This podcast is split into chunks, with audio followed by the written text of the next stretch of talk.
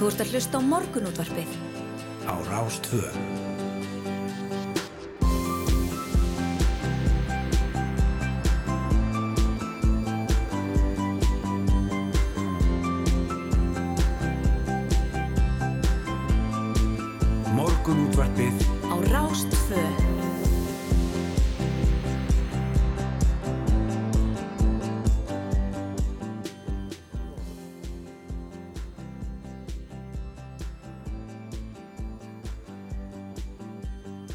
Komið sæl og, og verið velkomin á Fætur. Og það er ás uh, tvö sem hilsar, morgun útvarpið Rúna Róbersson og Hulda Geistóttir hér með ykkur. Það er uh, komin förstu dagur hvorki meirinni minna. Og uh, við ætlum að vera hérna saman í dag og, Já. Og um, já, fjalla um hitt og þetta og fá góða gesti og ringja og, og fylgjast með eldgósinu, það sjálfsögðu maður er eiginlega svona bara þetta er svo að horfa arineld skilur maður svona dregst inn í þetta í, í, á rúf 2 í sjónvarpi Já, að horfa á þetta svona Þetta er, þetta er mjög dálegandi. Við erum með þetta hérna á stórum skjá fyrir framann okkur Mhm. og, og gerðum það reyndar líka uh, þegar síðasta gos var. Þá vorum við í stúdíu 1, nú vorum við nýlega fluttingaði yfir í stúdíu 2 en þetta er, eins og þú segir, að það er eitthvað heillandi við þetta að, að bara hafa er þetta það. svona á skjánum. Þetta er eins og að hérna, rúlla bara í, í uh, já, eins og þú segir, að vera með arineldin bara gangandi. það, það er svolítið svo leys já, þetta er mjög, mjög kósi. veist að vantar ylinn Já, ég veit ekki hvort ég myndi vilja alveg fá ylinn sem fylgir sko, hérna, eldgósi en, en uh, það þetta er fallegt og tilþrjóða mikið og við sjáum að, að það er mikil gasmengun þarna sem stígur upp af þessu já, blá, já, þessi blái reykur hann er kannski tilkomið mikill að sjá en hann er hættilegur hann er hættulegur. Nú uh, í dag ætlum við uh, að segja ykkur frá nýjum sjónvarsáttum sem fær í loftið á Rúfum helgina. Lára Ómarsdóttir sem að uh, hefur nú kvart sem dagskragerðamaður hér á Rúf en getur ekki hætt að búa til sjónvarp en það frábær í því. Hún ætlar að kíkja til okkar uh, strax eftir frétta yfir lit klukkan halv átta og, og segja okkur frá þessum þáttum sem heita Náttúran mín. já, svo ætlum við að heyra með heilmiklum framkvæmdum í Árnesreppi uh, Raka Gísla ætlar að koma til okkar Já, það verður uh, drottningarviðtal vegna þess að það passar í því tilfelli. það passar í því tilfelli, hún er vera að halda sína fyrstu stórtónleika, svona feristónleika í haust, 1. oktober í Eldborg í Hörpu já. og við ætlum að spjalla við hana um, um eh, lífið og listina og ferilinn. Já, svo er það gleðigangan á morgun, við heyrum af henni og uh, fáum Óla Bokka eða svona til okkar til að fara eins yfir bara uh, mannlíf, menningu og mat Já, fyrir já, helgina. svona stefn og ström á eitthvað svona, hvað er að gerast í þessu öllu saman? Já, Hann er uh, letur hress uh, skemmtilegur uh, EIP hann á, á ferð. já, En kannski blöðin?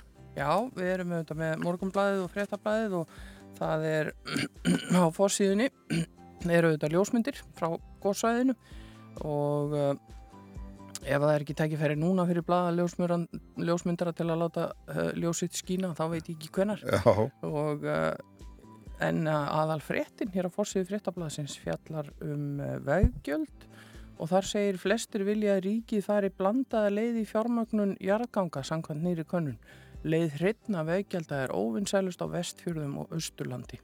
En það voru sem sagt rúm 60% þeirra sem tóku afstöðu í nýri könnun sem styðja að ríkið fjármagni að jarðganga gerð að hluta til eða öllu leiti með veggjöldum og innan við 5% vilja ekki að ríkið fjármagni jarðganga gerð og þetta er sem sagt nýkönnun sem að prósent gerir.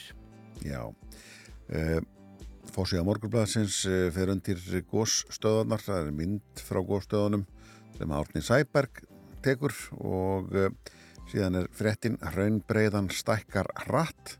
Uh, talið er að nýtt gósskeið sé hafið en vísbendingar eru um að uh, Já, það var svona milli fyrir sögn, en vísbendingar eru um að gósbrungan sem opnaðist í meradölum geti lengst til norðurs. Hraunbreiðan stækkar rætt og hraun er farið að flæða út úr dalaverfinu þar sem að sprungan opnaðist.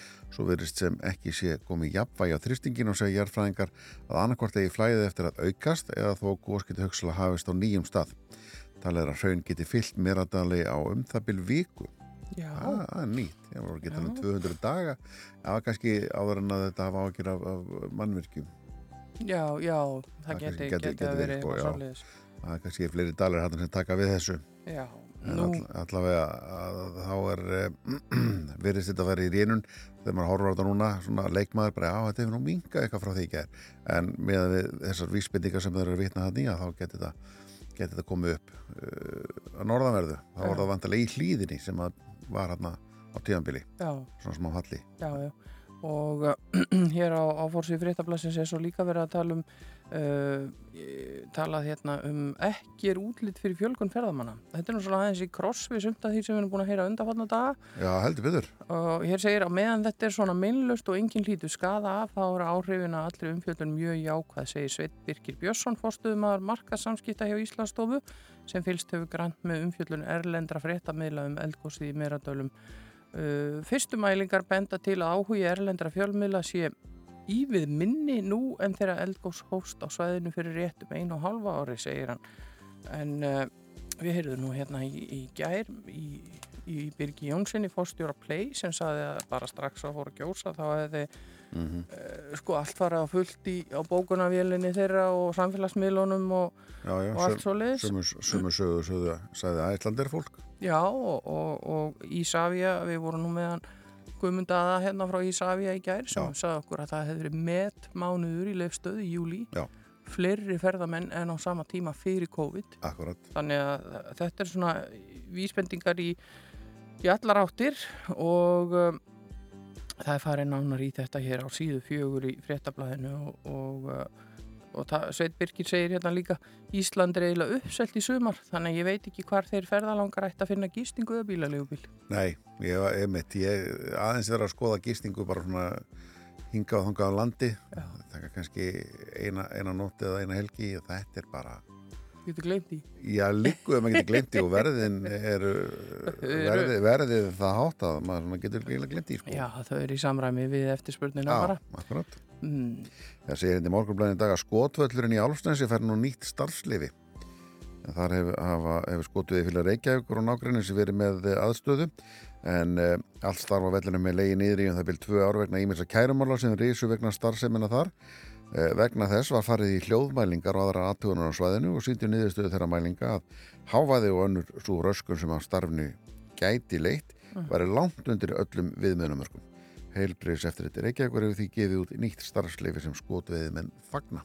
Já, og uh, að tala við Lútur Ólafsson, hann formaður skotrein sem er með þetta svæði.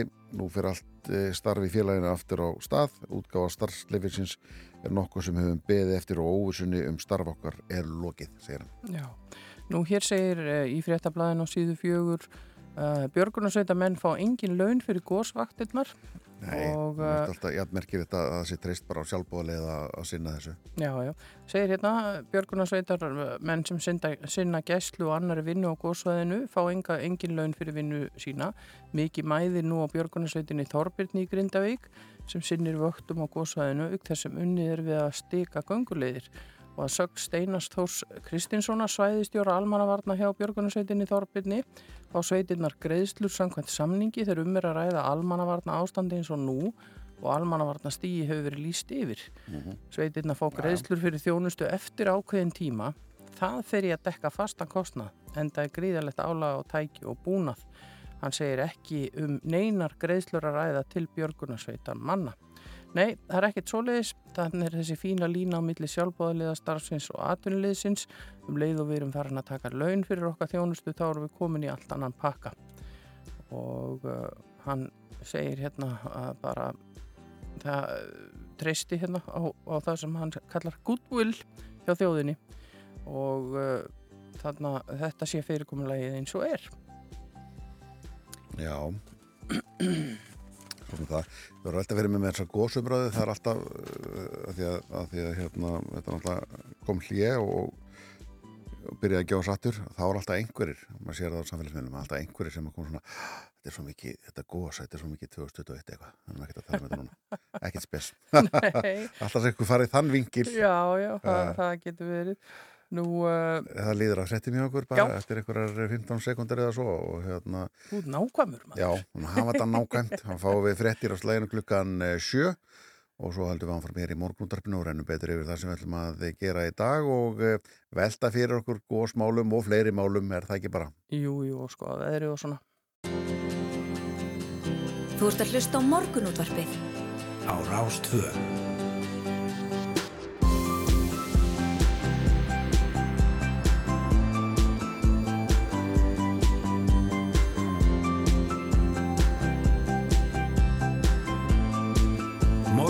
Morgunútvarpið Á Rástvö. Já, góðan daginn og velkomin á, á Fætur, uh, Rúnar Róbertsson og uh, Hölda Geistóttir með þér í morgunúttarpinu í dag. Þennan fyrstu daginn, það er 5. ágúst í dag. Já, þetta er góðu dagur og helgin framöndan fyrir þau sem eiga frí og ímislegt spennandi í kortunum um, um helgina. Það er í alls konar hátíðir ennþá.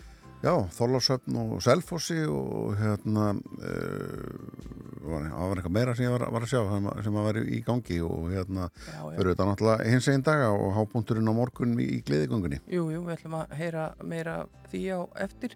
Uh, við ætlum að fá til okkar góða gest í dag og hún kemur hérna til okkar uh, eftir svona tæpan hálftíma eða svo, hún Lára Ómarsdóttir, okkar gamli góði kollegi hér á RÚF sem að þrátt hún sé horfin til annara starfa, getur ekki hægt að búa til gott sjónvarp og, ætlar að koma og segja okkur frá uh, glænýjum þáttum sem fari í loftið Já. á sunnudaskvöld held ég alveg öruglega Okay. sem heita Náttúran mín og þarna eru maður og náttúra í aðal hlutverki fáum að heyra meira af því um hvað þetta snýst þegar hún kikið til okkar í morgun kaffi Já, og kannski vel tímasettingin er góð því að uh, við gósið og fjöldan sem streymið þangað þá, þá fellur það svolítið vel undir maðurinn og náttúran. Já, segðu.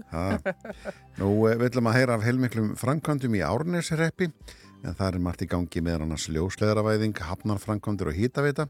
Eh, Skúli Gautarsson er verkefnastjóri hjá Áfram Árnesreppi sem heyrir undir brotatar byggðir og eh, við sláum á þráðan til hans og forvöldnist um gangmála. Það var svona kortir í áttasiska. Já, svo ætlum við að fá hér uh, sannkallað drotningaviðtal eftir áttafréttinnar því að Ragnhildur Gísladóttir, Raka Gísla, heldur sína fyrstu uh, svona sóló stórtónleika í Eldborg í Hörpu þann 1. oktober næstkomandi og flytur lög frá sínum litríka tónlistarferli.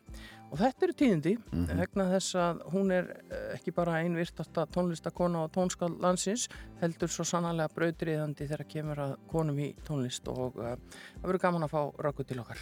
Mitt hápunktur hins eginn dagar eðilega gleðigangan hún feð fram á morgun til að segja ykkur allt um skipula, götulokonir og fjölda þáttakanda til að ringja í göngu og öryggistjóran Efu Jóhannsdóttir upp úr hálf nýju. Já, og svo kemur Óli Bóki Heiðarsson til okkar lífskunstnir, hárgreislu meistari og eigamaður svo eitthvað sé nefn. Hún er margt til listalagt en hann ætlar að fara yfir það helsta sem er að gerast í mannlífi, menningu og mat og hverjir eru helstu ströymar og stefnur. já, já og, og mitt uh, segir okkur aðeins að því hvað hann hefur verið að gera, uh, fara út að borða og svona ímislegt og, uh, og uh, já. Það er spurning hvort hann er búin að jafna sér eftir þjóð Já, ak akkurat sko, hann fór snemma út í EIR Já, og, og kom seint. og kom seint heim mm.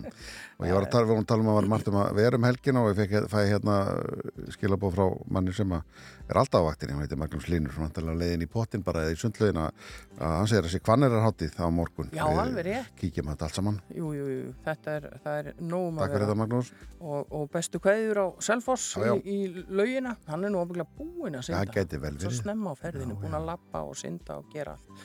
Geggjað svona á byrja dagana, en uh, eigum við ekki bara að vinda okkur í, í fyrsta lag dagsins og Hvern, hvernig var það? svo förum við við veðri hér rétt á eftir. Við ætlum að byrja á því að uh, fara í, í franska gýrin.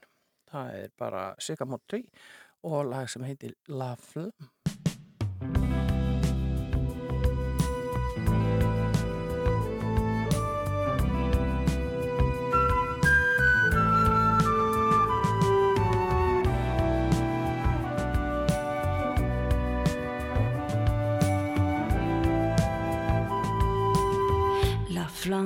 Disparut Et non, non sont perdus. Le soleil est parti. Ton amour explosionne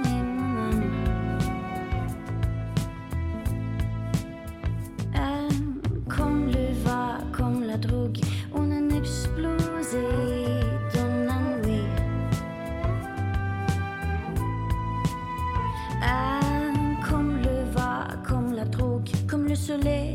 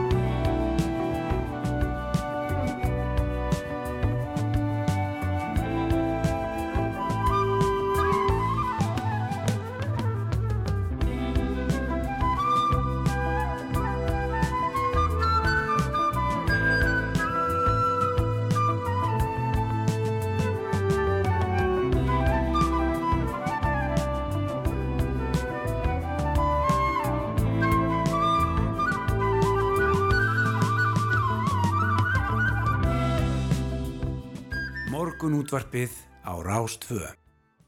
Ég mitt átlum að gá til veðurs og uh, kíkja á hugleðinga veðurfræðings svona í morgun sárið. Það verður bjart veður víða um landi í dag.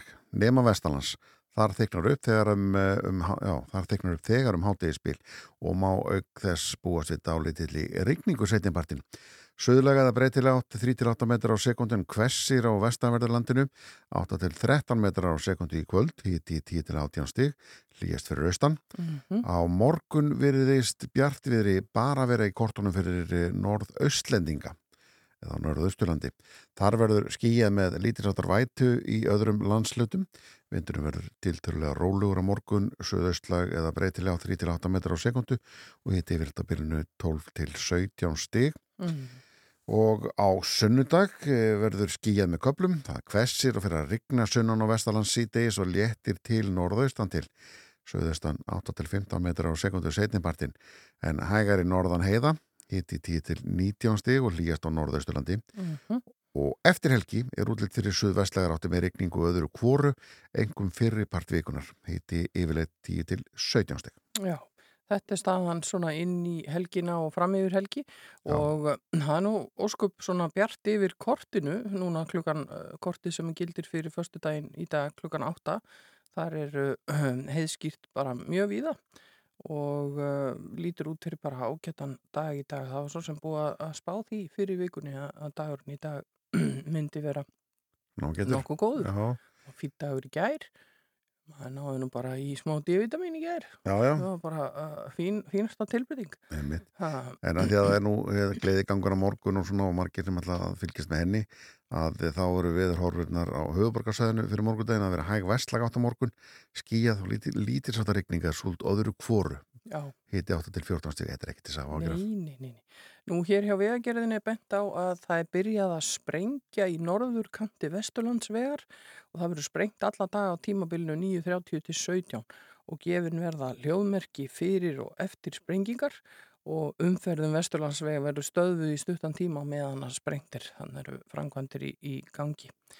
Og ímsjar uh, fleiri ábendingar hérinn á vefnum vegagerðin.is sem að, að fólk ætti nú kannski að, að kíkja á. Já, já, svo uh, bara þegar maður kemur að þessum merkingum að fara eftir þeim, veist, lækkun á hraða og annað slíkt. Hmm. Herru, svo sé maður hérna að Puma engaþóttan er á Reykj Reykjavík flugulli, er þótað engaþóttan þar mert Puma, nú íþróttafyrirtækinu Puma. já, með merki hérna með, með hérna merkið á, á, stélinu og hérna það er talað um að þetta sé, sé hérna gæti, já þessi vélir oft uh, notuð af Jay-Z og Beyoncé skilsmanni Nú, og það er spurning hvort þau séu hér á landi mætti eldgós. mætti eldgós, maður veit það ekki sko en uh, hún er leið út þessi vél engur síður en Jay-Z hefur notað þóttina reglulega gegnum árin á samt uh, konu sinni, Beyoncé uh, og svo eru það íþróttamenn á málæga búma sem að geta einnig fengið afnót af vélinni, þannig að einhver svona Já. einhver þungavekta maður, kona eða persóna sem að Er ekki Sara Björk á samningi á Puma? Sara Björk kannski á landinu Já, hver veit. ha, En er ekki, sko, nú vona ég sé ekki að slá saman eitthvað í höðun á mér, en er ekki til þyrlu tegund sem heiti Puma?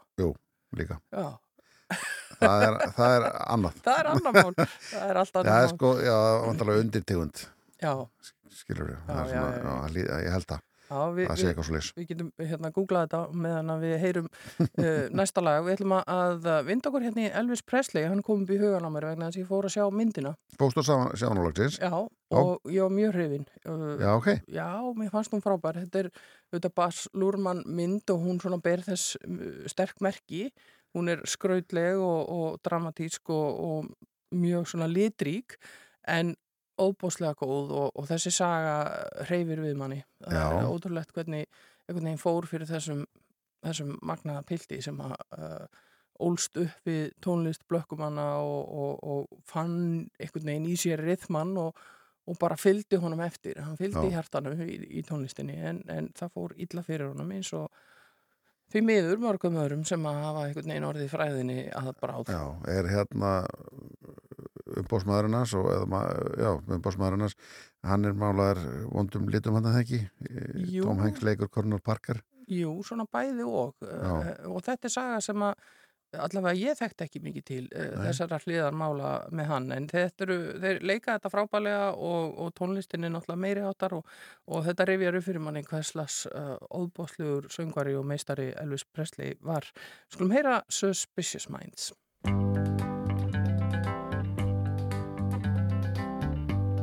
We're caught in a trap. I can't walk out because I love you too much, baby. Why can't you see what you're doing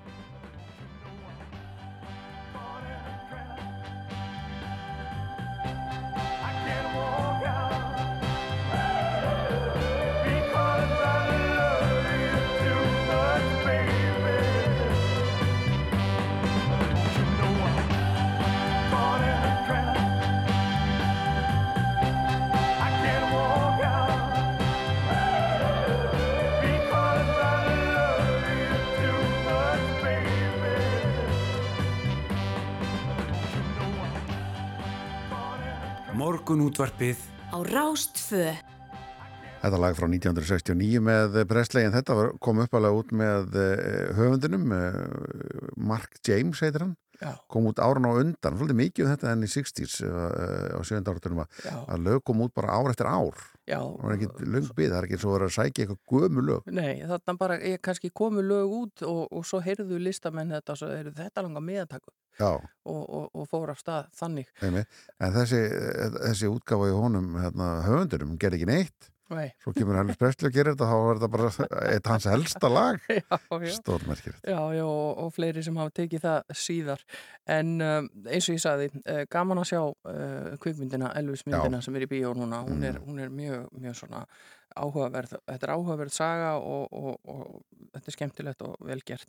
En við ætlum að fara núna aðeins yfir upplýsingar sem Björgunarsveitin Þorbjörn hefur sendt frá sér um það hvernig er best að komast að eldgósinu. Já. Vegna þess að það má reikna með því að fjölmart fólk vilji fara þarna um helgina og, og njóta þess að, að vera þarna. Þetta er, þetta er ábyggilega mikil lífsreynsla að standa svona anspænis hrauninu Mhm. og hitanum sem þarna er og uh, þeir segja hérna einfallega uh, besta leiðin að gósinu fer eftir vindátt og veðri hverju sinni og fylgist því vel með tilmælum lauruglu og viðbras aðila. Svo þarf að vera vel útbúin, vel klætt með nesti, góða skó, höfuljós og full hlaðin síma. Nú, þeir byggja líka fólk að skilja bílana eftir á bílastæðinu en ekki í vegköntunum og benda á að það er nóg af stæðum fyrir alla. Það er bara að fara það inn á stæðin sem er búið og útbúið hana Mm. og koma sér fyrir. Já. Já, já, og þessi er líka hérna að gera, eða þau, að gera má ráð fyrir að gangan tæki 5-6 klukkutundir eða minnsta. Já, og, og það þarf að vera klár í það. Mm Uh, gasmengun er á svæðinu sem getur sapnast saman í lægðum og það er nöðsilegt að forðast reikin, ekki fara neinstar þar sem reikin uh, leggur yfir og svo það sem að við reynir svona talaði nú um í gær og, og er held ég gríðarlega mikilvægt að það er að lappa ekki yfir gamla hraunið. Það er Já. ennþá heitt og stór hættulegt yfirferðar. Það er, sumstaðar er bara þunn, þunnt lag niður í kviku aftur. Já, einmitt, það er um að gera. Og gamla hraunir þá voru að ræða um hraunir frá því fyrra sem að er nú nýtt í þeim Já, skilningi. það er ekki eldra en þannig- það. Nei, en einhvað séu bara svona fólk átt að segja því. Og þeir segja hérna hjá Þorbirni að, að gangana nýja rauninu og gignum er að lámarki 7 km aðarleið og hækkunum er um 300 metrar. En það þýðir að heldargönguferðin getur verið rúmið 14 km um nokkuð torfært svæði og eru mjög brattar brekkur í nágrinni gíksins. Hægt er þó að ganga steytri leiði þegar sem er aðeins 5 km en þá er gengið að útínispalli þaðan eh, sem uh, gígurinn sést. Þannig að hérna, svo að vera að vinna hann í slóðamálum og merkingum til að gera göngun eins aðgengilega örg og hægt er. Já, þeir eru búin að stika uh, Já. leið. Það kom fram í, í fréttum í gær og uh, þeir benda líka á það hérna að það sé best að leggja bílónum á bílastæðin sem við nefndum við gönguleið A, ganga svo eftir A-leiðinni alla leið upp á Fagradalsfjall og þegar komið er upp á fjallið er haldið eftir sléttunni til norðausturs þar sést gósið Já, það er mitt.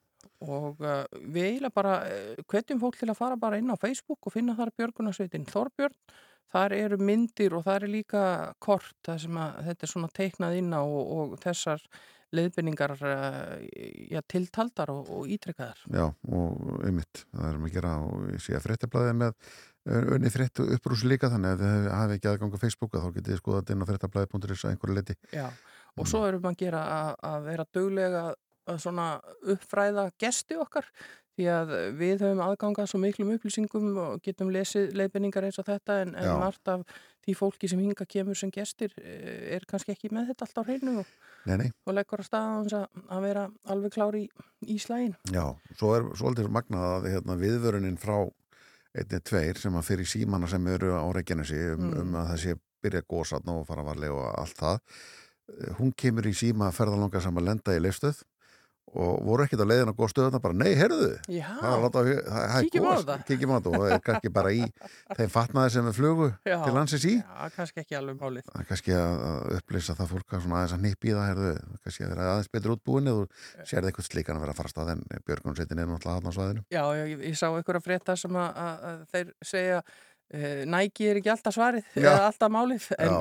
það er mjög oft málið en, en kannski ekki alltaf og ekki endilega þarna í- ekki vera létt glætt á stöpuksum og stregarskom það er ekki alveg málið. En uh, það er fréttaðu lit hér klukkan hálf og svo sest hún hjá okkur hún Lára Ómarsdóttir og ætlar að segja okkur frá nýjum sjónvarsþáttum við heyrum í uh, Miley Cyrus sem syngur um miðnættur heiminin sem er nú glæsilegur á góðstöðunum uh, svo eins og við segjum fréttaðu lit klukkan hálf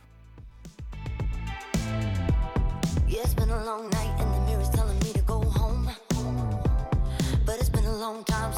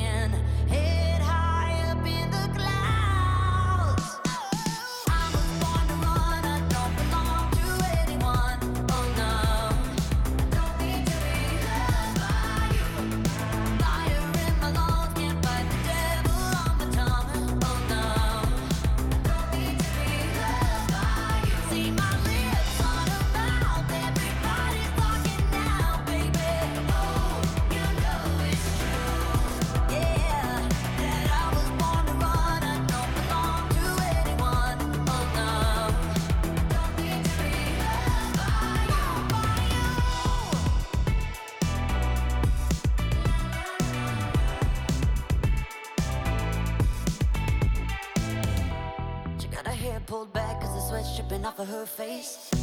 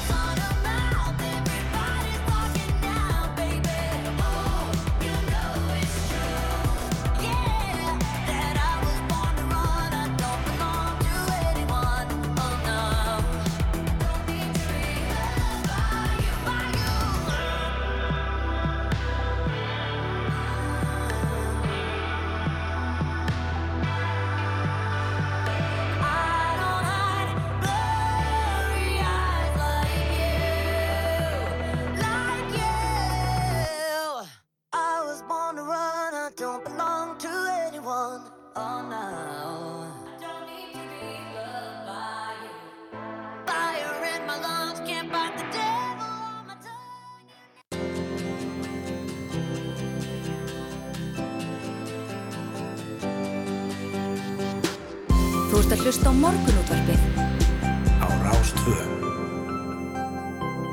Já, frétta yfirlitið að baki og uh, komin tíminn til að spjalla við fyrsta gest dagsins sem er hún Lára Ómarsdóttir, okkar gamla og góði fyrirverandi kollegi hér og, og uh, hún er náttúrulega búin að kveðja uh, sjónvarslutarkið en getur samt ekki hægt því að nú er hún að koma með nýja sjónvarstætti sem verða síndir hér á Rúf á sundarskvöldum og heita Náttúran mín og við erum forvitin að vita meir um það. Velkomin, Já, takk fyrir það. gaman að sjá þig eftir. Já, sömu leiðist, alltaf gaman að koma hérna. Engi leið að hætta. Já, sko, það er ekki alveg sangjandi að segja þetta svona en þess að ég var búin að taka þess að þætti upp, sko, áður en ég hætti. Ég hætti nú bara í fyrra og hérna, en þeir eru teknir upp 2019, svona rétt fyrir COVID. Já, Og hérna- þetta er úrvinnsla bara. Þetta já, eiginlega. Ég var að skila þess að mér, ég var búin að vinna þetta og taka þetta upp og fólki er náttúrulega búið að hitta mig og, og svona, það er ekki hægt að bara henda því í rusli en það líka bara er þetta mjög áhugavert efni Já. eins mér og, og mér finnst líka alltaf gaman að búa til sjónvarp, ég kann alveg ágætlega að gera það og Já, þannig að leiðist það ekki. En, ég, ég gæti ekki skilið við þetta bara svona. Já, en Já. sko titillin Náttúran mín, þetta er, þetta er stór titill og það getur ímislegt falist í honum. Um hvað eru þessi þættir? Já, þeir eru ekki mína náttúru, þetta er þína beint. Þetta er ekki þú úti bara hérna í Nei. göngutúrum. ekki alveg þannig. Þetta er sem sagt um fólk sem að, uh, býr í sveitinni.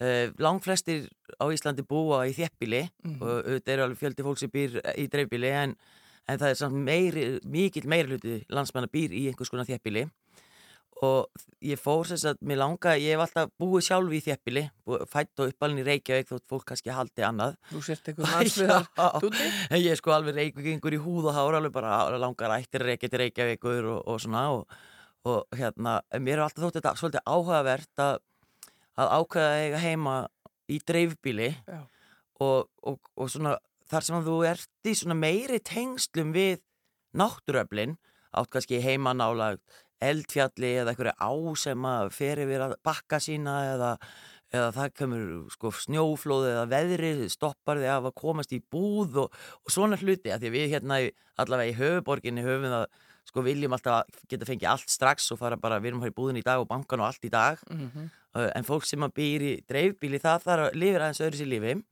Og hérna þarf svona að, að huga kannski meira fram í tíman og, og taka tillit til náttúrunar og mér langaði þess að, að, að tala við fólk sem að þarf í raunin að taka tillit til náttúrunar og þess vegna heitir þetta náttúru mín að því fólki sem ég tala við er að tala svolítið um sína nær náttúru þetta er ekki landið í heild heldur, uh, veist bóndið sem ég hitti í Reykjafjöllum hún er að tala um sína nær náttúru og, og hérna á þættinum á sunnudagina þá hittum við sko smið sem að var hérna bara all, allt og fullu að gera hérna í Reykjavík Mm.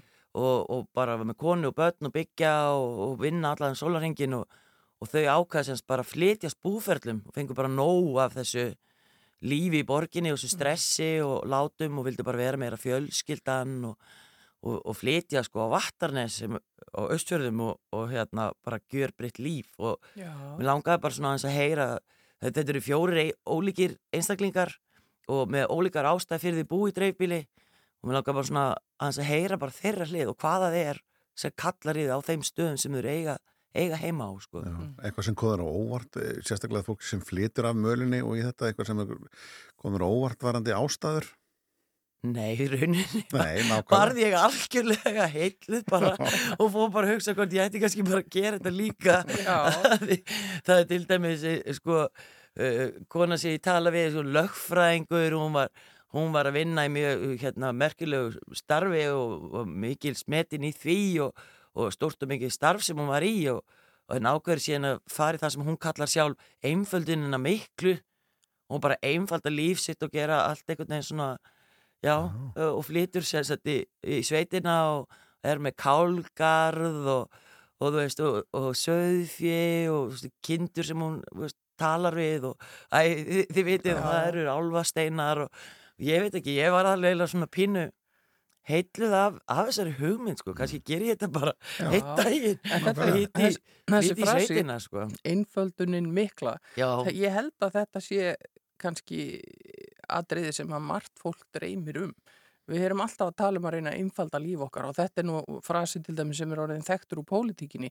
Það er alltaf verið að tala um þetta með að samþætta skóla og frístundastarf og, og minga skuttlið og, og allt þetta og alltaf verið að tala um að einfalda lífið en kannski er þetta bara besta leiðin. Það er bara að stíga út úr þessu hraða, flókna lífi þéttbílisins. Já, það er örglega allavega einfaldara að einfalda lífsitt Já. svo leiðis Já. en á móti kemur samt alls konar annað sem þú þarfst að takast á við sem þú tekst ekkert á við í borginni Já, hljóta að vera ymsar áskoranir við já, þetta. það hljóta að vera það sko og ég meina hún býr undir sko stóru eldjalli og, og hérna þessi kona sko Mm. og, en henni finnst það nú bara huggulegt og, og hérna já.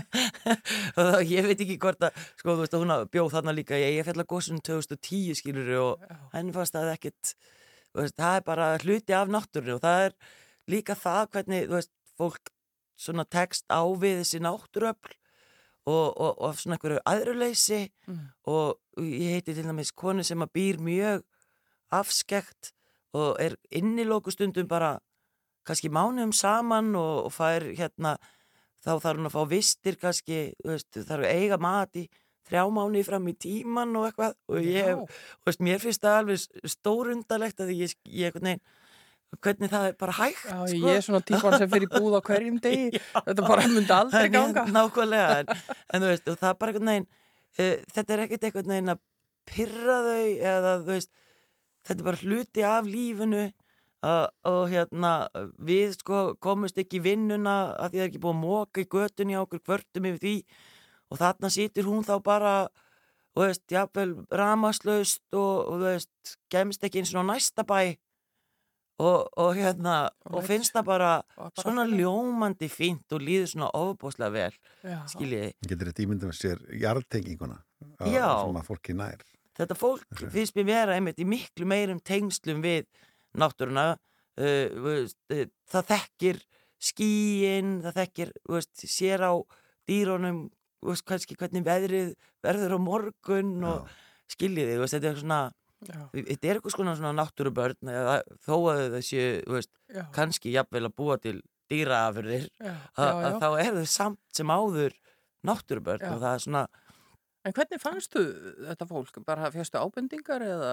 Nei, ég eiginlega, sko, nei, ég eiginlega fekk engar ábendingar. Það þetta var, sko, mannins, þessi sem að býr uh, svona afskeitt, það er nú mann sem ég hef hitt nokkur sinnum því ég var að gera ferðasteklur Já. og bara ó, ótrúlega bara svona heitlandi persóna og persónuleiki og mér langar alltaf að fara bara og gera sérstaklega bara bíómynd um hana og hérna, þannig að hún, hún var nú bara augljós Já. einhvern veginn. Hinn voru uh, þessi sem er á sunnudaginn, hann býr á Vattanes eins og ég segi. Uh, mig hefur alltaf langað til að fara til skrúð og va, uh, va, skrúðu sem sagt fylgir Vattanes jörðinni. Já. þannig að það náttúrulega lág beinast við að ríkja bara í hann og svo kemur bara, þú veist, sagan Í ljós? í ljós. Já. Veist, ég valdi ekki eftir sögum fólksins.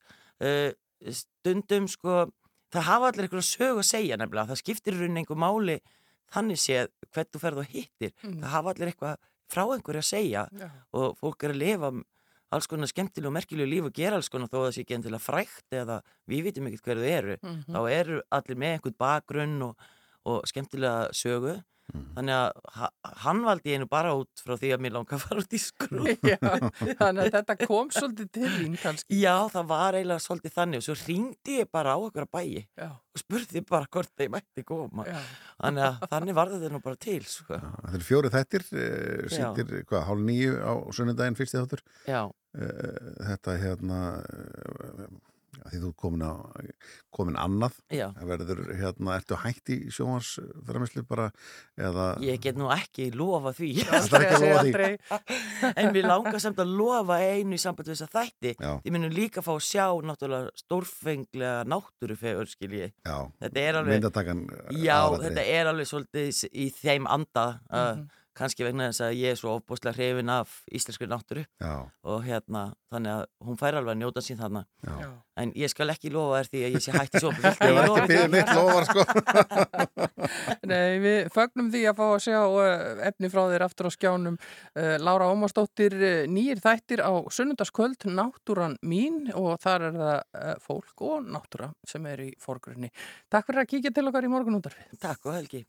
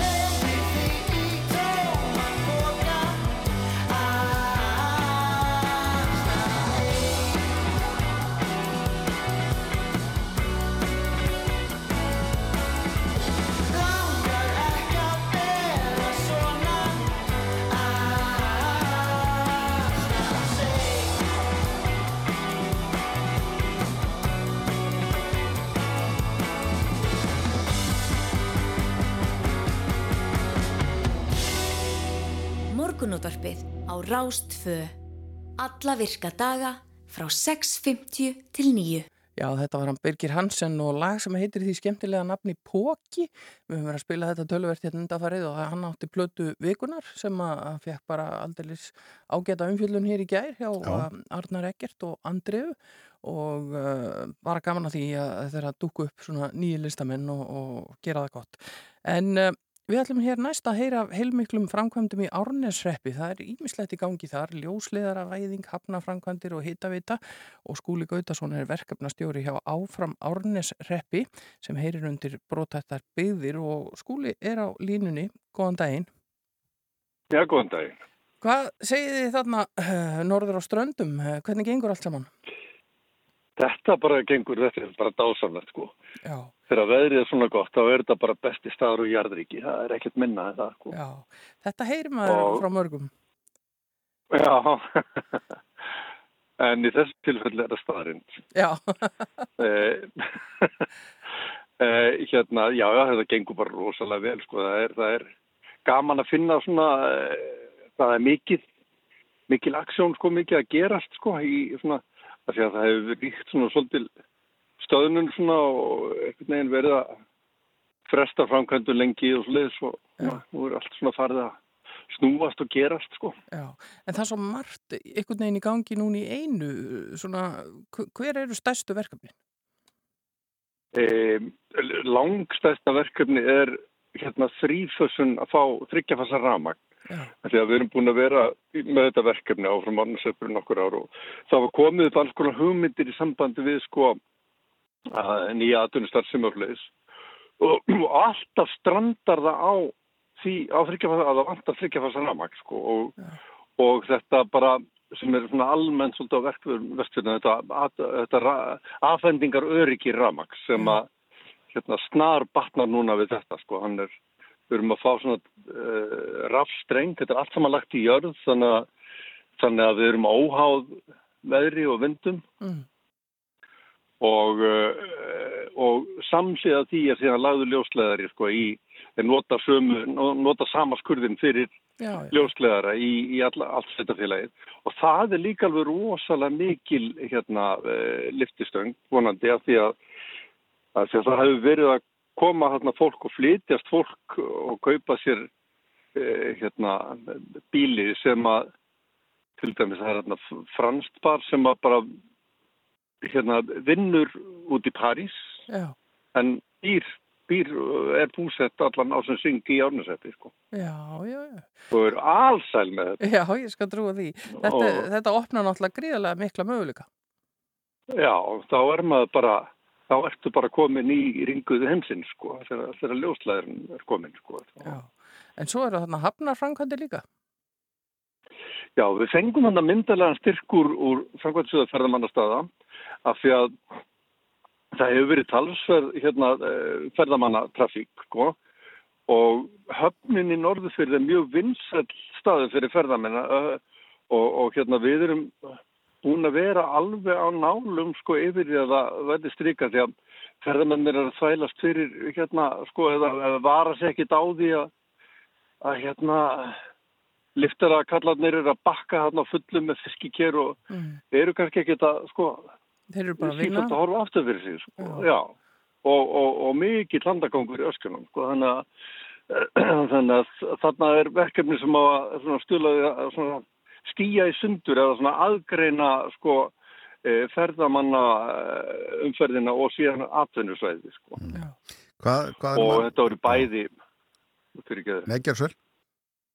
Eh, nei, hérna, já, ég man ekkert hvað ég ætla að spurðu bara. En hérna, ég var að velta fyrir mér fjöldanum sem býr þarna og, og uh, bara svona, þetta er svo, marga framkvæmdir í einu. Það er svolítið merkilegt með að við Já, kannski íbúa fjölda. Þetta er, hérna, það eru rúmlega 40 mann sem búa allir sér 42, Já, það eru aðeins, aðeins fjölgað já, og hérna, eh, en það eru nú talsett, það eru talsett fleiri sem eru þarna og það, eru, það er mikið af sko fólki sem á uh, sumarhús Mm. og gamla bóndabæði sem búið að gera upp og, og er þarna meira og minna sko, uh, veist, eftir því sem að fólk eldist þá er það meira og meira þarna og vill bara vera helst Já.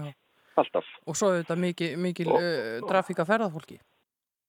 Já, mjög, þetta er mjög vinsætt ferðamannastæður og þetta er svona, þetta er ekki vera sérstaklega fyrir göngufólk og er þetta bara hérna gönguparadís og hérna og svo var, þó, hérna, veittum við styrki fyrir til að uh, útbúa svona klifursvæði Já, og þeir segja að þetta sé næst besta klifursvæði á Íslandi. Já, Ég held að besta sé í, í skaftafelli ekstra þar og hérna, Það er öruglega í öra næst svæðið. Nakka Öra öra þar, já. Það, er já. það er gott klífursvæði. Svo er þetta þarna komið næst besta svæðið á landinu. Já, E- einn af Og það vinsalastu... voru heilmikil trafík. Já, einn af vinsalastu viðkomustöðunum ykkar uh, áströndum er Krossneslög sem er auðvitað einstakur staður og, og það er búið að vera að að gera ímislegt og meðal annars uh, eru þarna ykkur hitaveitumál í vinslu. Já, sko, já, það var, það, sko, Krossneslögu búin að vera þarna síðan 1954 held ég Mm. og er svona alveg eh, bara eitthvað skemmtilegast að sundlega á landinu held ég, allavega mínum að því. Hún er svona alveg ón í flæðamálunum og er horfið bara úr sundleginni bara yfir, út yfir norður Ísafið og þetta er alveg, hún er frekar heit sko hana, hún er kannski svona oft meira bara eins og stór heitu pottur frekar en hérna Mm ekkert endilega æfa sund svo mikið, bara svona, Slaka á. bara, já, ekki rétt að segja chilla því að þú ert svona vorma Já, þú ert að vorma. og hérna, en uh, hérna, þar er það borhóla og, og sem að hún var, hún var hérna, það var mælt renslið henni og það komi ljósa að það myndi duga alveg fyrir byggðina inn í norðurfyrða og myndi alveg geta uh, fóðrað sko hundramanna byggð í rauninni Já, fyrir utan sundlaugina sko. já, Þannig að það, við erum að hérna, fengum hérna styrk meðal annars úr hérna úr byggða áallun til, til að láta svona rekna þetta út á hanna og, og, og gera. Og það er allt komið á fljúandi siglingu og vonandi verður það bara vonandi verður bara stungið niður skoplu næsta sumar í, í til að gera það. Sýnist þetta að vera allt saman borlagt að þetta geti verið og það er náttúrulega eigur lífskeiðin svo mikið sko, það Já. er alveg. Þannig að þetta er, er svona uppgangur og, og, og bjarsýni í gangi núna. Það er ekki svo mörg ár síðan að það var bara, fólk var reynlega að tala um að þarna væri nánast að leggjast alveg af öll byggð á þessu svæði.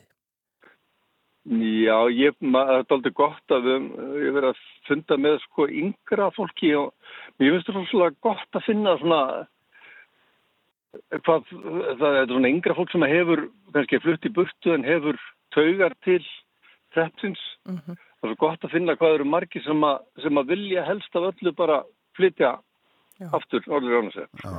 Það er, það er mjög, það er ó, ég held að sé óvanlega sterk sko þessi, Þessi taug. Hvað heitir það, átt, átt, áttaga ástöða.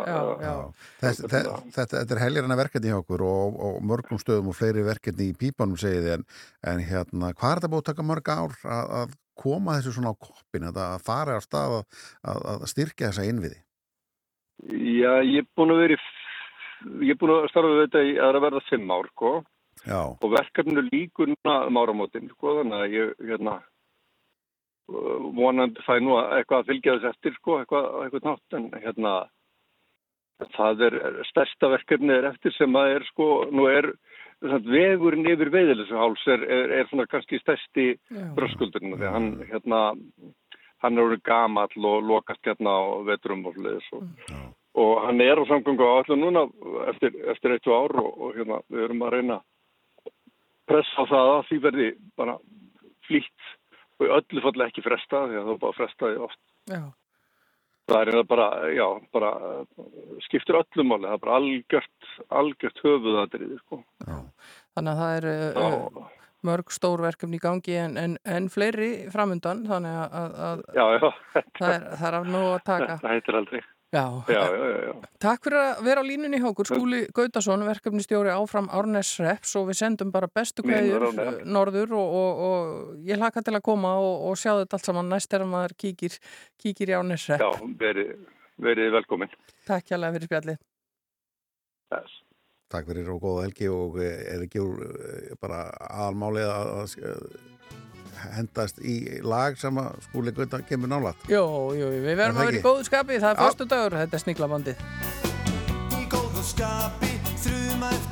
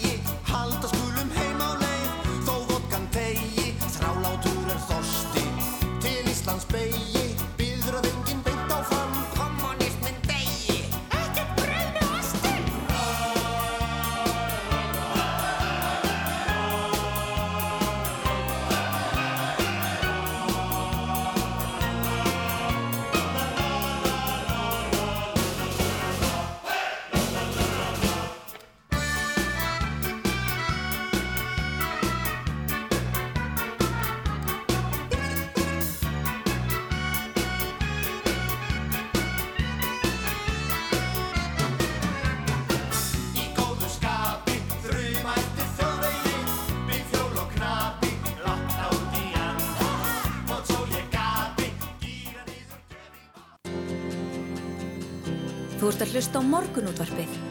á Rástvö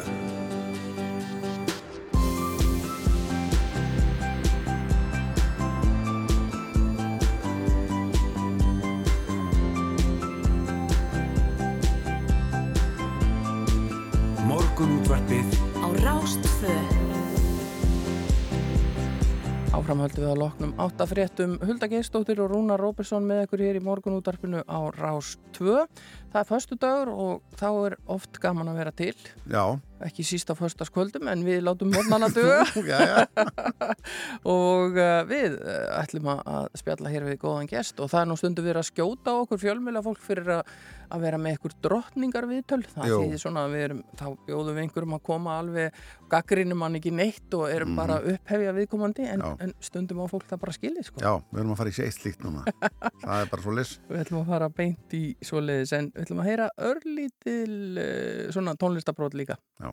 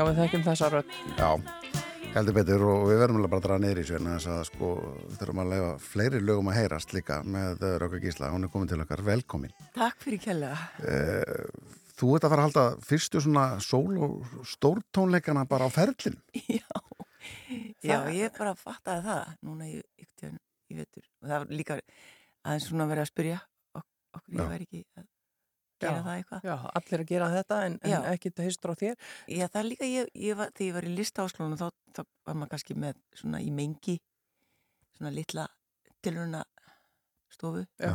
Það, það átti mjög vel við mig. Já, það er kannski, það er kannski eitthvað svona sem að þú fílar betur heldur en að, að setja upp reysasjó. Ég veit ekki, ég þekki það ekki. Nei, það er eftir að koma í ljós. Já, mér, finnst það svolítið skeri, sko. Já. En tilefnið þess að við, við erum að fá því hérna til okkar er einmitt þessi, þessi stór tónleikar sem að eru 1. oktober næstkomandi og þar allar er bara að svona lítið við farin veg.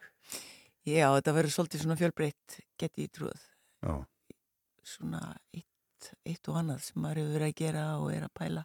Já. Líka eitthvað sem maður er að pæla í dag. Já. Hva- Hvað varstu gömul þegar þú byrjaðir í, í svona að að spila í, í ljónsitum með að koma fram? Ég held að það veri bara lúrasveitin Svanur, þá spilaði ég á bassatrúmu Já. Já. og þá var ég að byrja í, í hérna tónlistaskólanum í Reykjavík. Það var rosa gaman. Hvað varstu gömul þá? Ætli ég ekki verið 16, Já. 17. Já. Og varst þú þá típan sem að, sem að gengur um með stóru trómina Já. framan á sér og búm, Ná- búm? Nákvæmlega. Alveg í rúmin í tvo dag og eftir, sko. Rosa erfitt en Já. Mjög skemmtilegt. Já. Já. En, en það er svolítið annað að spila á bassatrómi í lúðrasveit heldur en að, að syngja á sviði. Hvernig færiður þið yfir í söngi? Það var í hérna, í hérna á, á batnaplötunni sem Gunni Þórðar og Björgun Halldórs Já, gerði. vísnaplötunum. Vísnaplötunum, já. Já. Já, já. Og hérna, nú blánaru berjamó, það var svona leið. Já. Ekki beint öðuldasta leið. Nei, alls ekki. En Stórkostlega plötur alveg Já. sem að, sem að lifa nú bara enn góðu lífi. Gunni er svo frábært tónskáld. Já. En þú ert líka semja, þú ert ekki bara að syngja, þú ert, þú ert líka tónskáld og... Ég er ekki söngkona, ég er tónlistarkona. Já, Ég, það, þannig líti ég á mig. Ég Já. er aldrei lítið á mig sem söngkonu, þó maður sé í því. Já, já. Já, já, Þetta, nær, þetta, þetta er miklu, miklu stærra en það og, og hefur alltaf verið að semja eða byrjaður á því setna á, á ferðlirum? Fyrsta lagi var því ég var 11 ára og ég var svakalega feimin sko að spila mér svo að æfa mig á píanóðu því ég var lítil sko þannig að ég lokaði vel að mér því ég var að æfa mig en hérna svona þegar að fóreldrarnir voru úti og allir þá kannski var maður að- að glíma við ykkur, ykkur tónsmíðar Já. svo mætti kalla og hérna og ég spilaði fyrir afa minn Já. lagið. Manstu það lag? Já, ég, Já, já. ég, sko, ég man það mjög vel og við, ég var að spila í, hérna, í gardunum hjá, F, hjá Stefi Já. í hittufyrra eða, eða þar áður. Ég missi út alltaf tvö ár, sko. E- en hérna, og þá tóku þetta ég og, og Kjartan Já. Vald. Já, Já, þannig að þá... það er engin texti, sko, þetta var svona instrumental, Já, en ég bullaði bara eins og, eins og ég Megum við eiga vonaði að heyra þetta í Eldborg? Ég veit það ekki, það er bara, ég bara hef ekki tugsið út í það. Gæti alveg verið. Geti verið. Já. Já.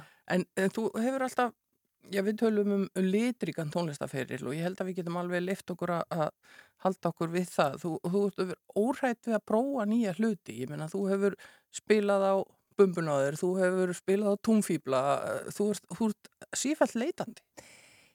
Ég, það er enga að tapa með það Nei. ef, maður hefur einhvern áhuga að, að prófa sér áfram Já. og hérna láta einhverjar hugmyndir í framkvæmt þá ég, ég sé ekki að maður þurfa að vera í ykkur einu bóksi sko, ég held að maður myndi ekki þrýfast þannig hérna það, ég held að sé kannski öðruvísi úti þar sem eru miljónir manna og, og, og til þess að ná fram þá þarf það að vera bara með ykkur, ykkur, ykkur eitt ykkur eina braut Mm. ykkur eitt bóks eins og það kalla Já. bara svona til þess að fylgja því eftir Mm. Hérna þarftu að vera alltaf svona kreatúr og, og koma með nýtt og nýtt þó ég, ég er ennþá að syngja Já, já. þegar ég er að koma og drauma brinsin Já, já, já, og við erum með þetta, með þetta allt saman klárt hérna, sko, Sisi er bara hérna undirliggjandi og, og, hérna bara klikka náttúrulega aldrei, en, en það er kannski líka hluti af þessu að, að semja og spila lög sem að verða, ég minna þetta er klassík, Sisi er klassík, ég ætla bara að lega mér að fullera það. Já, það er gamla að heyra það sko, þegar að maður er að spila svona og syngja á samkomu þar sem fólk er bara svona að skemmta sér í, á balli bara eða veist, svona ásáttíð og þá nennir það ekkert að læra einhver ný lög. Nei. það þarf að vera búin að læra það áður veist, í útarpinu eða frá, frá útarpinu eða þessi sem maður kallar það. Mhm.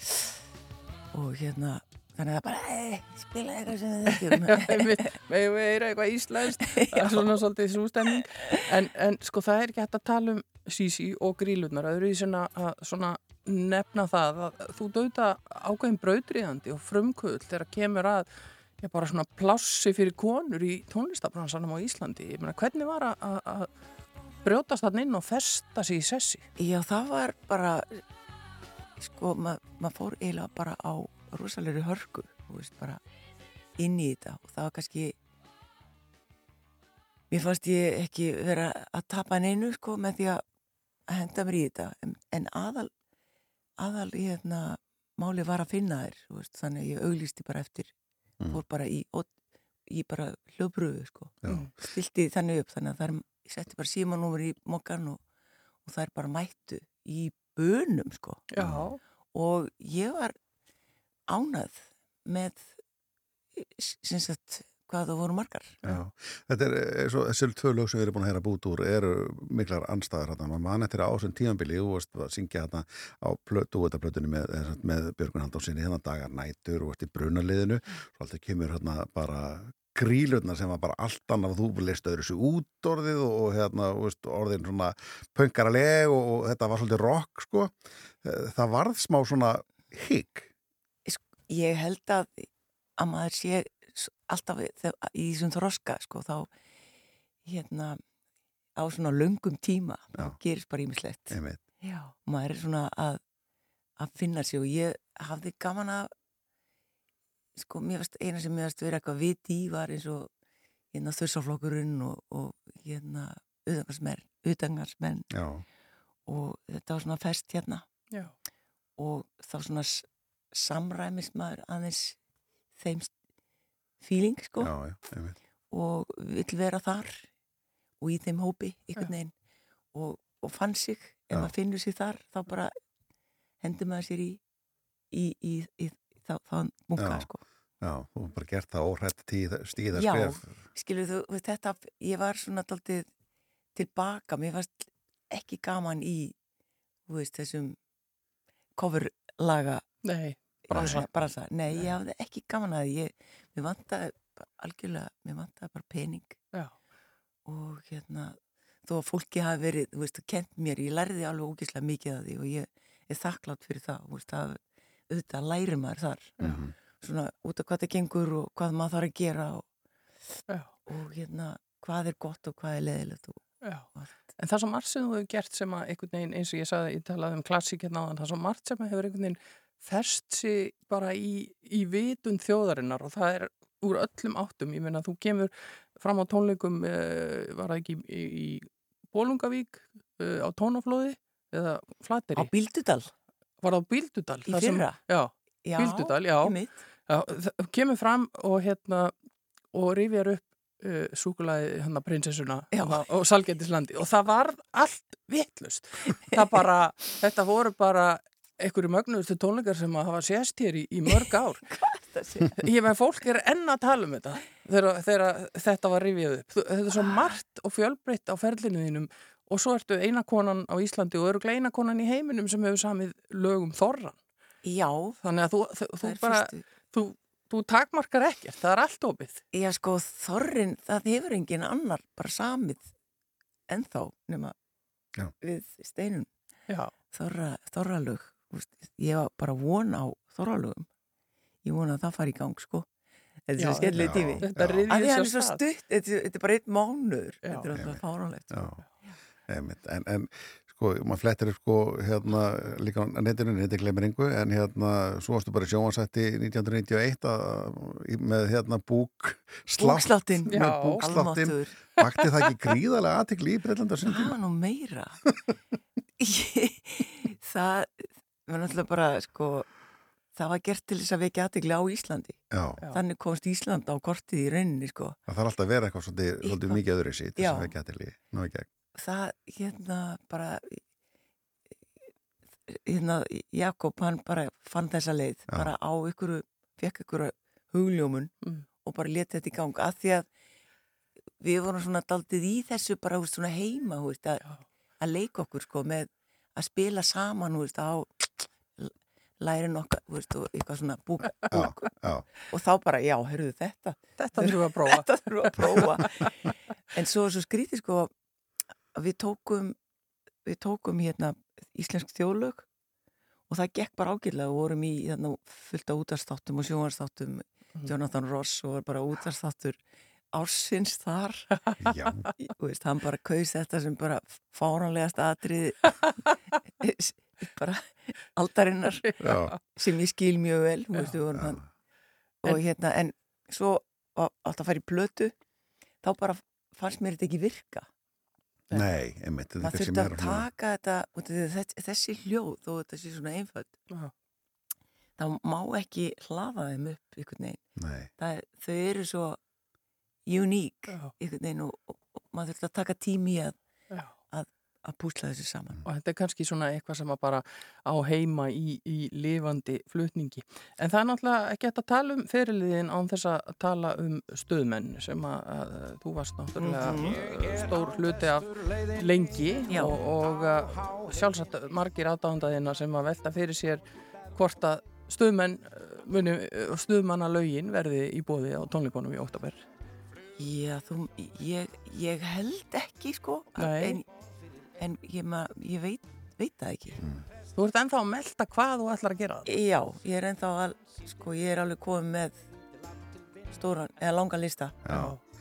Læg sem hljómarinn undir mannst ekki eftir mér Egil syngur þetta hann og þetta er tekið upp á sviði í þjóðlíkúsinu Þetta er samt lag eftir þig. Þetta er lag eftir mig sem ég samti í bíómyndina Stella í frambóði Já.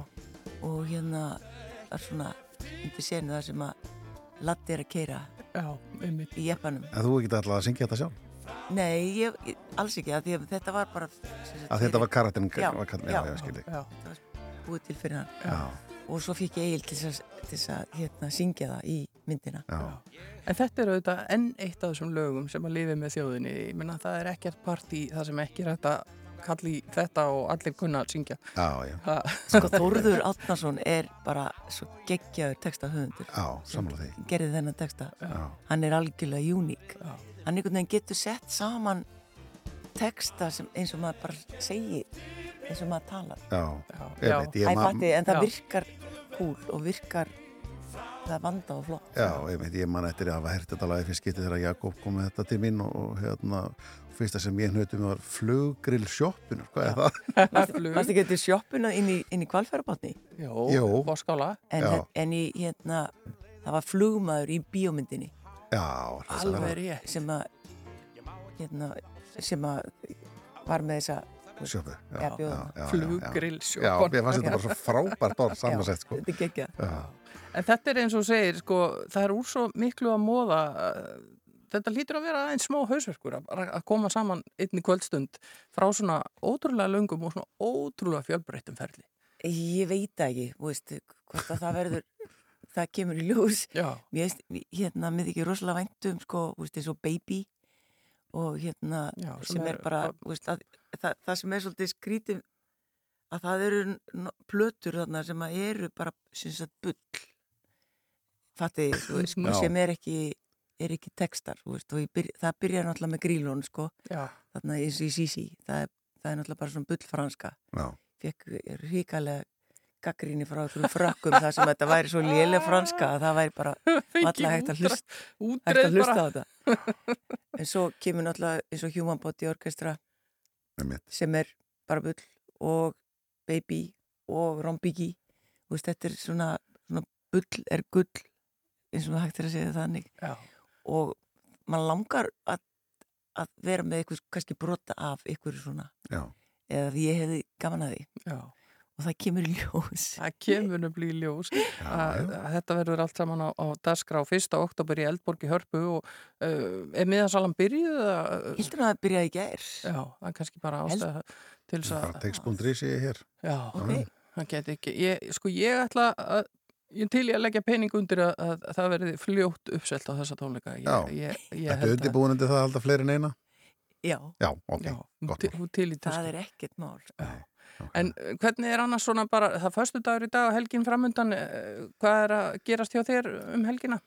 Færðu á, umkjæm frí? á morgun er ég að syngja á rosalega krútleiri og hérna skemmtilegri samkomu sem bæjarháttíð í Þólasöfn Já, frá já. æfingu er ensli í gær algjört krút sko það er alveg hérna, fjallabræður og lúrasveit Þólasöfnar og, og Jónas Sig og Leilo og Já, æði.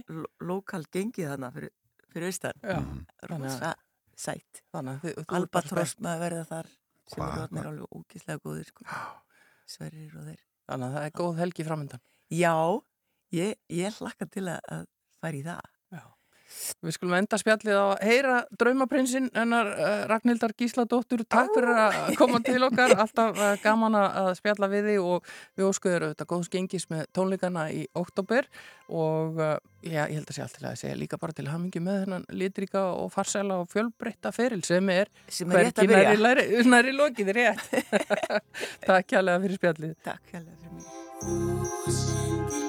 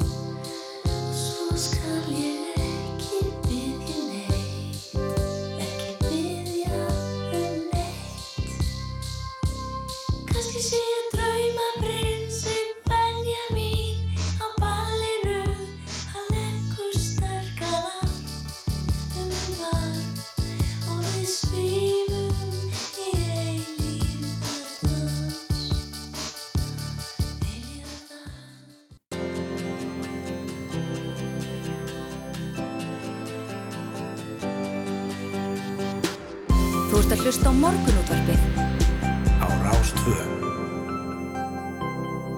Já, haldum hann fram eh, og við eh, talaðum um gönguna sem tengdu hins vegar dögum að það var gleðigangan sem við ætlum að fjalla um næst og hér segir á heimasíði hins vegar daga að í henni saminast lesbjur, homar, tví og pankinniðir, transfólk, intersexfólk og aðrir hins veginn einstaklingar á samt fjölskyldi sínum og vinum til að staðfesta tilveru sín og minna á baratumál sín. Gangan er í senn kröfuganga hins veginn fólk sem kallar þetta jafnbretti, vitundavakning og útrýmingu mismunar sem á vettvangu til að fagna því sem að hefur unnist í baróttunni og við ákveðum að heyra í e, göngustjórunum e, og öryggistjórunum það er hún Eva Jóhansdóttir hún er á línunni, sælblessu Hæ, hæ. Hvernig hefur gengið að skipilegja þetta og, er þetta flókið mál?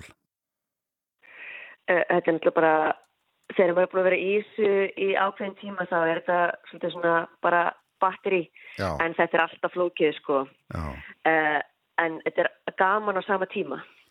já, einmitt og vantarlega Það líka er bara gengið mjög vel. Já, einmitt. Hvað eru margir þáttakundir eða prammar eða hvað getur, hvernig, hvað getur sagt svona sem að fara, fara þessa leið? Heru, það eru 37 atriði í ár. Vá! Já. Já. Og þetta hefur yfirlt verið í kringum 40 þannig að Nú, þetta, já, er bara já. mjög, þetta er bara mjög skemmtilegt, Já, sko. ok. Já, já, já. já. Og við erum að sjá fullt af atriðum sem við hefum ekki séð áður þannig að, þannig að við erum mjög spennt í ár, sko. Já. Og, og eh, hver rekur lestina? Ger alltaf einhver svona sem rekur lestina?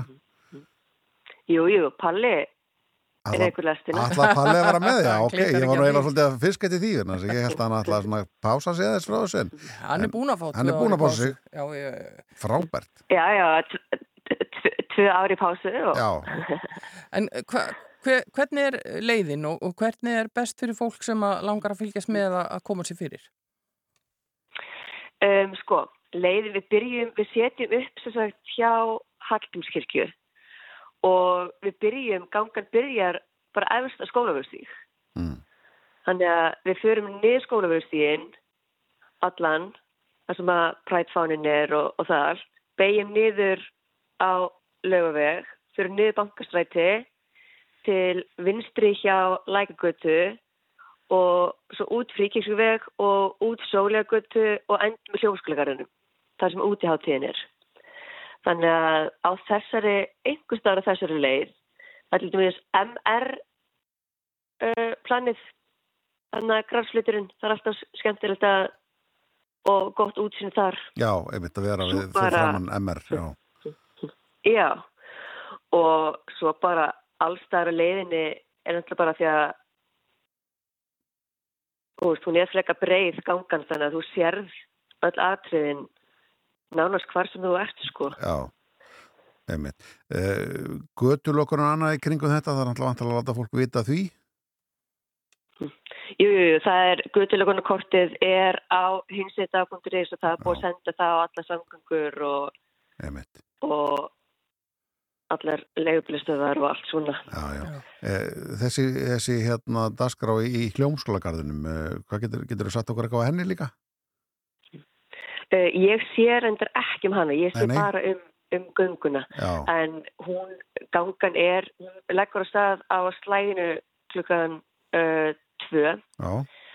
Hallgrímskirkja ringir okkur á stað og, og hérna við erum yfirleitt í svona klukkutíma, klukkutíma kortir. Já. Þannig að hún, hún byrjar klukkan hálf, hálf fjögur held ég, Já, dagskráin á hljómskleikarnum. Já, einmitt. einmitt. Já, þetta og, og 37 aðri, minnst þetta bara frábært. Já, hérna. Já, Já, þetta er spennandi og þetta er- er svona, eh, svo óbáslega mikið hérna, gleði og litur og, og stemming að þetta lífgar uh, hressilega upp á borgarlífið. Já, maður stóð að segja það. já, algjörlega. Er kannski ekki hliðhóll okkur, en það er alltaf gaman. Já. Og yfirleitt, þú veist, þannig að við vonum bara að við sjáum sem, sem flesta á morgun, sko. Ég sko var að líta við veðrið fyrir í morgun og það verður ekki þess að hvart yfir uh, þetta veður í höfuborginni, þetta verður bara uh, eitthvað lítisáttar rigning og úði eða súld eins og það kallað, þetta er ekki neitt neitt, það er ekki að nokkra ágjörð því. Nei, og við fögnum bara, við bara öllum veðrum. Já, já, sjálfsögðu, Við erum bara svo Við erum bara svo glöð að geta tek, við erum bara svo glöð að gangan geti farið á stað í ár, sko. Já. Þannig að ef það væri hríð úti, það væri mér allavega eh, sama. Já, hún myndir ekki láta það stoppa því.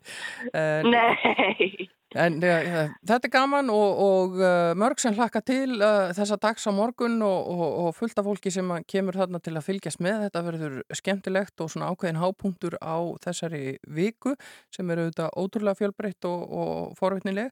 Uh, takk fyrir að vera á línunni hjá okkur Eva Jóhansdóttir, uh, öryggis og, uh, já, göngu stjóri, gleðugöngunar á morgun. Við segjum auðvitað bara gangi ykkur vel og góða skemmtun á morgun. Kæra þakki fyrir það. Takk fyrir. Takk, takk. takk. Og þá var þau náttúrulega að heyra í Palla, það er bara svo lis og ég vissi ekki að hann væri að koma aftur inn í, og væri að aðtastur og uh, reikalestinu og með glæsina vagnvandalega. Já, við treystum á það. Heyrum hérna allt fyrir ástina, þetta er það sem að allt snýst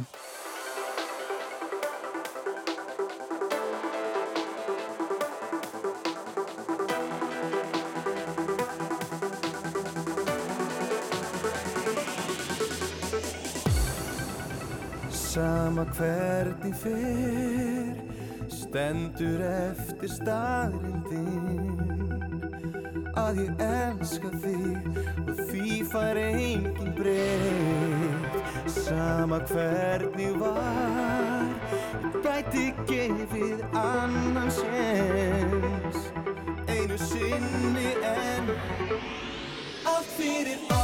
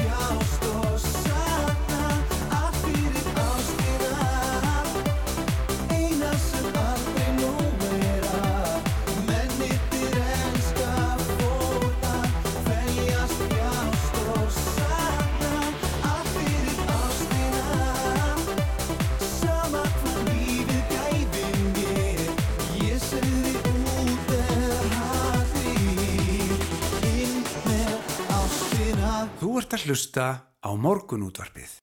Já, þetta er akkurat málið uh, út með hatrið inn með ástina, söng Páll Óskar þarna og gleðigangan á morgun eins og við heyrðum hér áðan í spjallokkar við hana Efu Öryggis og Göngustjóra en uh, það eru hins eginn viðburðir víðar um landi, það er ekki allir sem að komast söður og um, til dæmis uh, fagna austfyrðingar fjölbreytileikanum á Seyðisfyrði og þar er uh, svo kalluð hýr halaróa og uh, þetta er gleðiganga sem er líka á seyðisfyrði það er að, að uh, sjá þetta inn á Facebook og uh, þetta er framtak sem að svona var til fyrir ja, þó nokkuð mörgum árum þar sem að fólk komst ekki suður til að fagna fjölbreytileikanum og ákvaða að setja af stað sína einn gleðigöngu og uh, sem að hefur vaksið á hverju ári síðan og, og nú orðið kemur fólk frá nærlegjandi byggðalöfum til að taka þátt í fögnuðunum og sína samstöðu.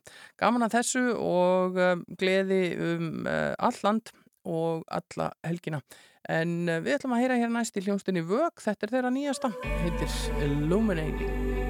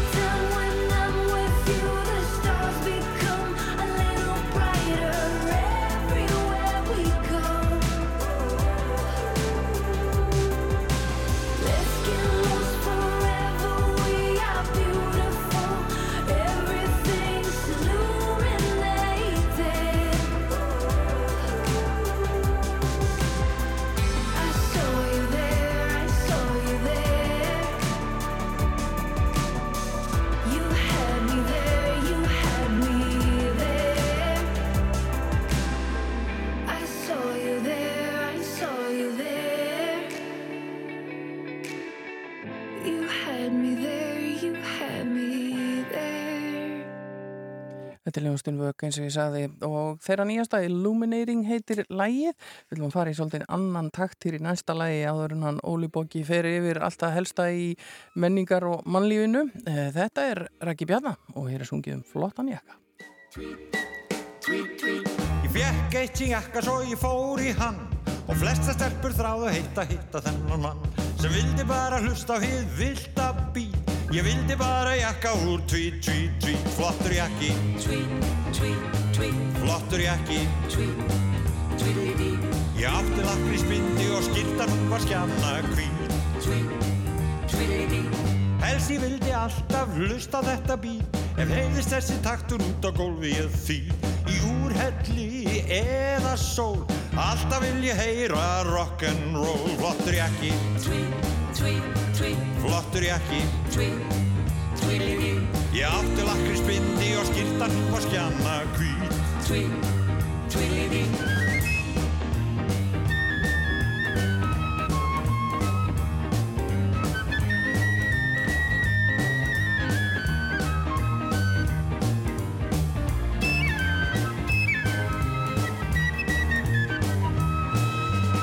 Buksunar hjá okkur voru þraungar þá.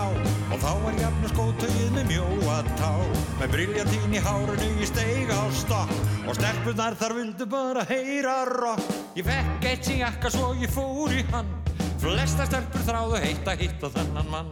Sem vildi bara hlusta á hið vilda bí Ég vildi bara jakka úr tweet, tweet, tweet Flottur jakki. Tweet, tweet, tweet Flottur jakki. Tweet, tweedledee Ég átti lakrísbindi og skildan var skjána hvít. Tweet, tweedledee Buksunar hjá okkur voru þraungar þá Og þá er jafna skótauðið með mjóa tá. Og briljantín í hárinu ég steig á stokk Og stelpunar þar vildu bara heyra rock Ég fekk eitt sem jakka svo ég fór í hann Og flesta stelpur þráðu heitt að hitta þennan mann Sem vildi bara hlusta á hið vilda bít Ég vildi bara jakka úr tweet, tweet, tweet Flottur jakki. Tweet, tweet, tweet. Flottur jakki. Tweet, tweedledee Ég átti lakrísbindi og skildan hún var skjanna hvít Tweet, tweedledee Tweedledee Tweedledee Tweedledee Tweedledee Tweedledee Tweedledee Tweet, tweet, tweet, tweet. Þá erum við búin að tweeta svolítið með Raka Bjarnar heinum. Þetta var uh, lægið um flottan jakka og ég varst ekki um að Óli Bóki sé í flottum jakka, hann reynda búin að rífa sig úr honum, ég verði að skoða hann betur á eftir. Já. En uh, okkar maður mættur hinga til þess að, að svona gefa okkur góð ráð inn í helgina, hvað Kannski- við getum gert. Já, kannski áður við förum, förum í það að sk- skoða inn í helgina. Hvernig var síðast helgi? Já, ég var, ég var að vonast þess að þið myndi spurja því. Ég var í viku. Mm. Já, Og eins þetta- og það bara þarf. Já, og þetta var bara með eiginlega bara betri þjóðtíð. Já. Þótt þetta sé nú svona þannig frasi sem maður segir það nú yfirleitt, en þetta Já. var alveg ekstra góð þjóðháttíð og rosalega rættist úr veðrinu Já, já. og það var bara mikil stemming og ég tala nú einmitt um það hérna á, á netinu að hérna eða var svona frasi helgarna var hérna gott að sjá þig Já, maður var að hitta svo rosalega mikið af fólki sem maður hefur ekki séð lengi náttúrulega út á COVID og öðru já, já. En bara heilt yfir, þú veist, þetta fór bara svo rosalega vel fram og það var bara svo mikil stemming og kærleikur og ást og vinátta og... Mm. Varstu var við það í bænum bara að það væri fleiri í eiginu heldur en ofta áður Já. á þjóðatíð?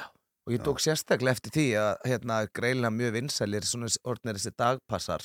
Já. Já. Maður sá mun frá förstudagskvöldinu og maður sá hvað bættist í á lögataskvöldinu og svo aftur á sunnudagskvöldinu og Já. hitti mikið af fólki sem að maður kannski koma á lögadegi og fara á, heim á sunnudegi og Já. þannig að Þetta dreifði svolítið. Já. En uh, núna er ný helgi framöndan og, og uh, okkur finnst gott að fá okkur uh, dögurð eins og það er kallað á, upp á ensku, uh, íslensku. Já. Enskan er brönns. Þú ætlaðir að lauma okkur nokkur brönns Já, ég ætlaði svona að fara eins yfir það. Nú held ég að sé svolítið svona stemming að vera bara kannski í bænum um helgina. Náttúrulega mikið um að vera. Gay pride og allt þetta. En mér langar líka að tala um hérna það er, er að opna núna bara klukka nýju á eftir. Já. við erum að tala um bara eftir 11 Örfáar mínútur. er sem sagt hérna vera í gróskuhúsinu úti í þar. er opna matöllin þar Já. Og það sem ég er náttúrulega elska að tala um mat við ykkur og, og, og veitingastæði og svona, þá fannst mér svolítið svona skemmtilegt að tala um það, að því að enn og aftur, eins og ég hef margóft sagt hérna, þá bara eru við á tánum varandi mat og menningu og svona. Og það er rosa mikið skemmtilegum nýjum stöðum. Mm. Það er náttúrulega inn á milli koma svona þessi staðir aftur og aftur inn í matallinar sem Já, er náttúrulega bara heið besta mál sem þýðir bara að það gengur vel og svona. Já. en þannig eru svona nýjir staðir sem ég er að gaugun í í gær og það er til dæmis hérna einn spennandi súpustæður sem heitir Næra svo er ég virkilega spenntu fyrir öðrum sem heitir Stund það er sérst Aron Móla og Aron Kahn Já, og þeir komnir í veitingabransa? Já, þá talaður Já. um svona morgunstund og kvöldstund. Ah. svo flott hvernig við erum að tengja og nota svona íslensku orðin og, og hérna það er verið svona morgunverða staður sem að breytist svo í eitthvað svona meiri stemmingu á kvöldin. Mhm. og síðan er hérna mikki refur þarna að opna kaffihús og vínbars. Og svo er eitthvað sem heitir Bang Bang Ísland. Og svo er hérna spennandi stað sem heitir Þura Já, Þannig að, og þetta er hann af þeim hérna í Hafstúdjó sem að gerðu matöllunum í Borgtúni. Já, já, já, já. Þannig að það er svona nýjasta viðbútin við þessa matar menning okkar. þessar matallir virðast vera alveg ótrúlega vinsalar. Það, það er að poppa upp bara út um allt. Já. Einmitt. Einmitt. Og það, hérna, e, það, ég veit að tveimur í miðborginni sem að eru bara í ferli. Já. Sem er dæmi, sko. Og Lagróska er náttúrulega bara í miðborginni, þetta er náttúrulega í Vassmerinni.